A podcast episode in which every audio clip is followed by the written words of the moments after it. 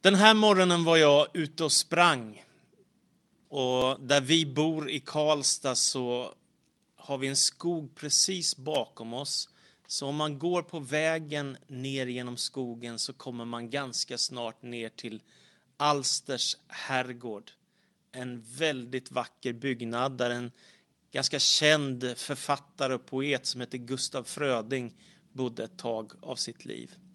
Och där finns ett café också. Och går man förbi där och vandrar längs med en å, längs med träden, så kan man också efter ett tag komma ner till en öppen hage. Och längst ner i hagen nästan, ner mot sjön, så finns ett utkikstorn. Och där gick jag upp. Och när man står där uppe och solen strålar och det är en fantastisk härlig vårdag i Värmland så påminns man om Guds storhet, om Guds kärlek, om Guds makt i skapelsen. Men det är också så genom att komma upp lite grann från marken så får man ett annat perspektiv på livet. Det är som att när man vandrar bara i gräset och ser framför sig på stigen så blir perspektiven små. Det är det lilla perspektivet. När man kommer upp i ett utkikstorn så får man plötsligt hela horisonten, de vackra träden, man får öarna på andra sidan sjön och man ser över husen och man ser det vackra i skapelsen. Och så påminns man om Guds storhet som jag sa. Och jag tänker att det är så som den kristna trons hopp faktiskt gör någonting med oss som gör att vi lyfter, vi kommer upp, vi får en annan horisont, ett annat perspektiv på hela livet och på hela tillvaron när vi kopplar med Gud. Och därför är det bra att påminna sig om hoppet och det ska jag predika om idag. Ett hopp som bär. Det är mitt tema idag. Och jag vill ta dig med till en bibeltext i Apostlagärningarna i det 27 kapitlet. Bakgrunden är att Paulus som var urkyrkans allra viktigaste missionär som spred evangeliet om Jesus Kristus över stora delar av romarriket, dagens södra Europa. Han har blivit fängslad för att han har predikat evangeliet om Jesus Kristus på ett kraftfullt sätt och människor har reagerat med vrede och motstånd och därför fängslat honom. Och nu har han suttit i fångenskap i Caesarea under lång, lång tid. Men Paulus var också romersk medborgare och därför så har han vädjat till kejsaren i Rom och bett om att få stå till svars för sitt liv inför kejsaren som hade en enorm makt i romarriket på den här tiden. Det är 50-60 miljoner människor som bodde där i Nordafrika och i södra Europa och en liten del av Asien också. Och det som då händer det är att när tiden är inne så släpps ju Paulus ur fängelset och tillsammans med en besättning så ska de ge sig av till Rom där han ska få stå inför kejsaren. Och det gör de. De seglar ut ifrån hamnen och de beger sig på en dramatisk resa. Det som de inte vet är att det kommer bli en väldigt, väldigt stor storm på resan. Och det är där bibeltexten börjar. Och jag läser Apostlagärningarna det 27 kapitlet och den 13 versen. De lättade ankar och följde Kretas kust. Men det dröjde inte länge förrän en våldsam storm, den så kallade nordosten, svepte ner från land. Fartyget fångades av den och kunde inte hålla upp mot vinden, utan vi föll av och länsade undan för den. Men vi kom i lä av en liten ö som hette Kauda och lyckades där med nöd och näppe bärga skeppsbåten. Sedan den tagits ombord stadgade man fartyget som en säkerhetsåtgärd. De var rädda för att de skulle driva upp på Syrtenbankarna och därför sänkte de rån och seglade vidare så. Då vi var svårt ansatta av stormen gjorde de sig nästa dag av med en del av lasten och på tredje dagen vräkte de med egna händer all last över bord. Allt löst. Varken sol eller stjärnor visade sig på flera dygn och stormen låg hårt på. Till slut förlorade vi hoppet om räddning.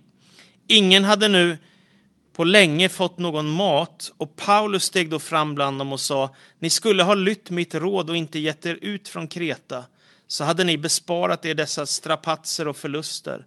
Men nu uppmanar jag er att vara vid gott mod. Inga liv ska gå förlorade, bara skeppet. I natt kom nämligen en ängel till mig från Gud.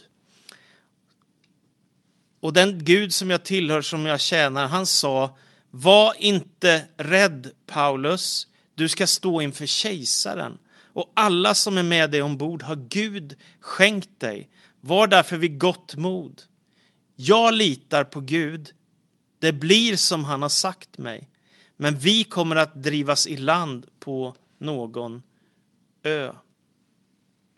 Aposteln Paulus har alltså varnat besättningen för den här resan när de ger sig av ut på Medelhavet. Det kommer att bli en dramatisk resa.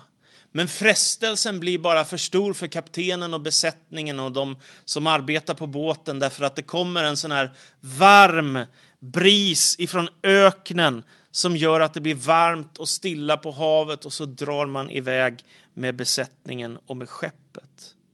Men det går bara en kort stund så kommer en tyfonisk storm och det drar in en enorm vind som gör att det blir en våldsam storm.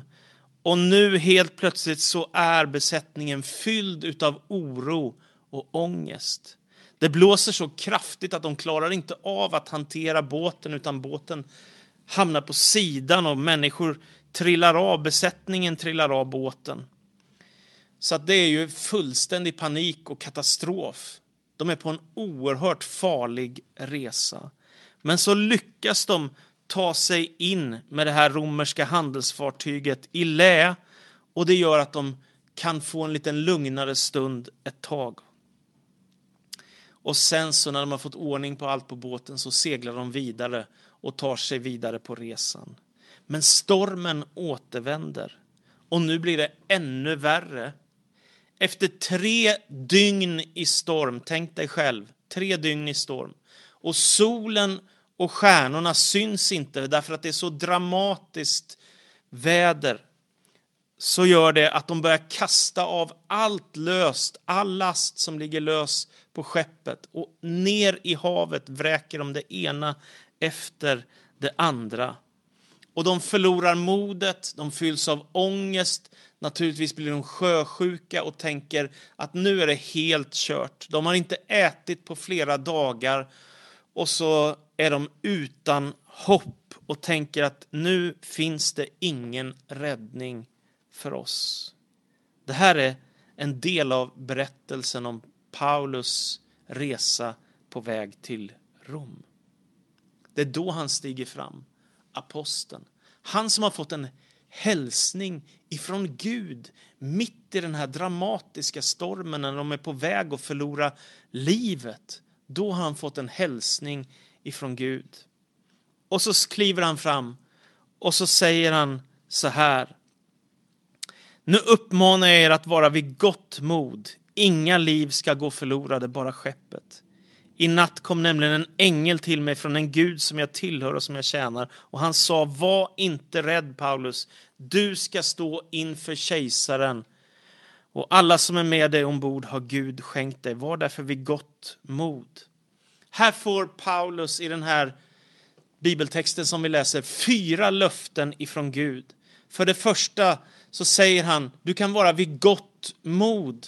Varför då? Jo, för det andra, därför att inga liv ska gå förlorade. Och för det tredje, du behöver inte vara rädd därför att du ska stå för det fjärde inför kejsaren. Det vill säga, Gud är med Paulus och besättningen på resan. Och precis när det ser ut som allt är kört så får Paulus en hälsning från Gud som han kan framföra till besättningen. Och så säger Paulus, jag litar på Gud. Det blir som han har sagt. Jag skulle tro att många av oss skulle kunna känna igen oss i det här läget.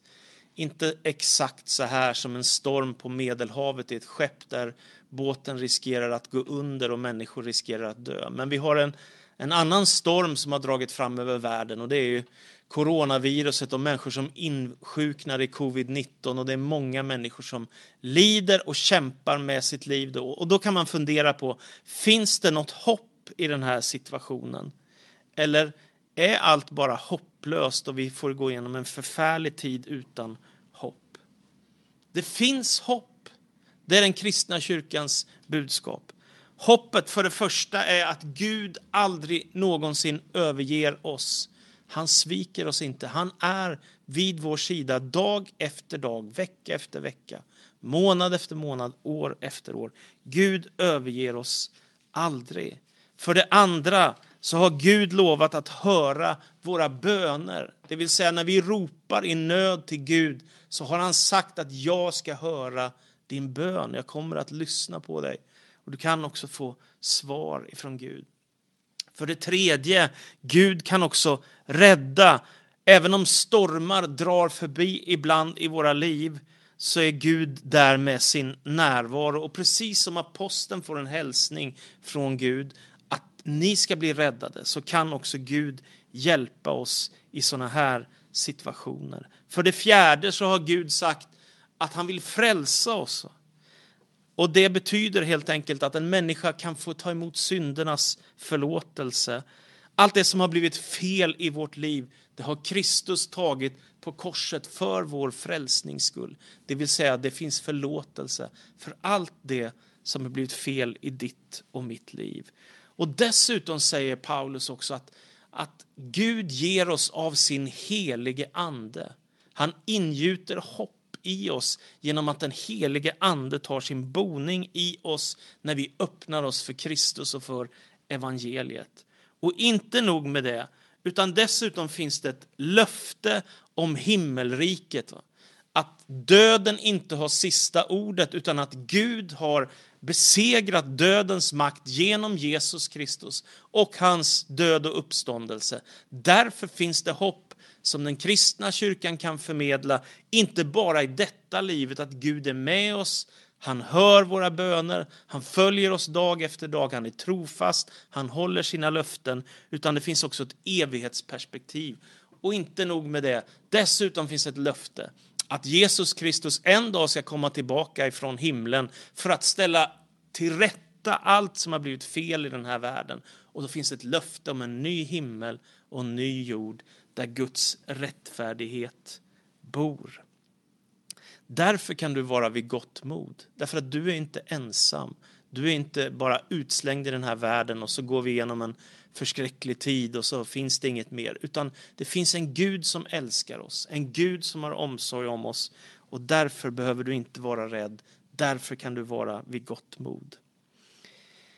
För ungefär en vecka sedan så satt jag åt frukost med min familj vid köksbordet våra barn började fråga lite om deras barndom när de växte upp och hur livet var då. Vi berättade berättelser för varandra som vi kunde minnas vad de hade varit med om. Och sen efter en stund så började de fråga oss om vårt liv, vad vi har varit med om som unga och som barn. Och vi berättade, både jag och min fru, om våra liv, saker vi har varit med om. Eh, och sen så kom jag in på vad jag, vad jag gjorde på somrarna. Och varje sommar under min uppväxt så åkte vi till Öland. Vi hade sommarhus på Öland. Och vi brukade åka till Löttorp, Löttorps camping, en camping där som var äg, ägd av kristna som varje dag under sommaren i princip gjorde stora tältmötesgudstjänster. Eh, det var massor, tusentals människor som kom på kvällsmöten och gudstjänster och seminarier och bibelundervisning och bön och så. Så det var en stor grej. Och jag tänkte att mina barn skulle få höra hur musiken lät och det här var ju 70 80-talet. Så jag drog på Spotify för att leta fram musik och så kom jag till eh, Jard Samuelsson. Och när jag fick fram honom så fanns det en sång där som heter Tänk när släkt och vänner alla mötas där. Och det är en sång om himlen. Och jag satte på den och började spela den för mina barn. Och det jag inte alls var förberedd var att jag skulle få ögonen fyllda med tårar. Varför då? Därför att jag kom på att den här sången har jag ju hört berättas att den sjöngs för missionärerna för kanske knappt hundra år sedan eller så. När de skulle ge sig av på en resa till Afrika eller en resa till Kina eller en resa till Indien eller Latinamerika. Och på den tiden visste man ju inte om man kom tillbaka någonsin mer. Det var ju inte som nu att man tog flyget enkelt och var tillbaka på ett antal timmar. Utan man kanske satte sig på en båt och reste i vecka efter vecka med risk för sitt liv. Och den sången brukade man sjunga när missionärerna gav sig av. Man gick ner till kajen där båten låg och så började man sjunga Tänk när släkt och vänner alla mötas där på den gyllene stranden. Skiljas aldrig mer. Prisa Gud och Lammet som oss friköpt har.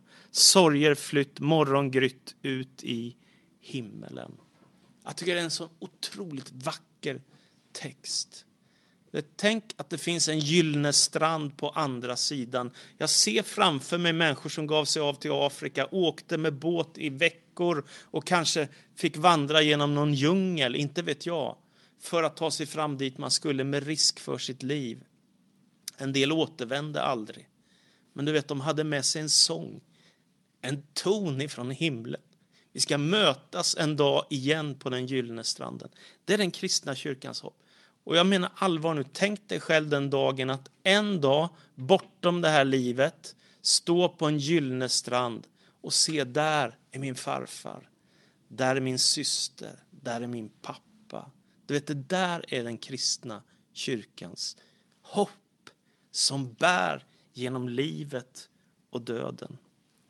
Till slut, jag minns när jag stod vid dödsbädden av en av mina kära vänner som har predikat evangeliet hela sitt liv.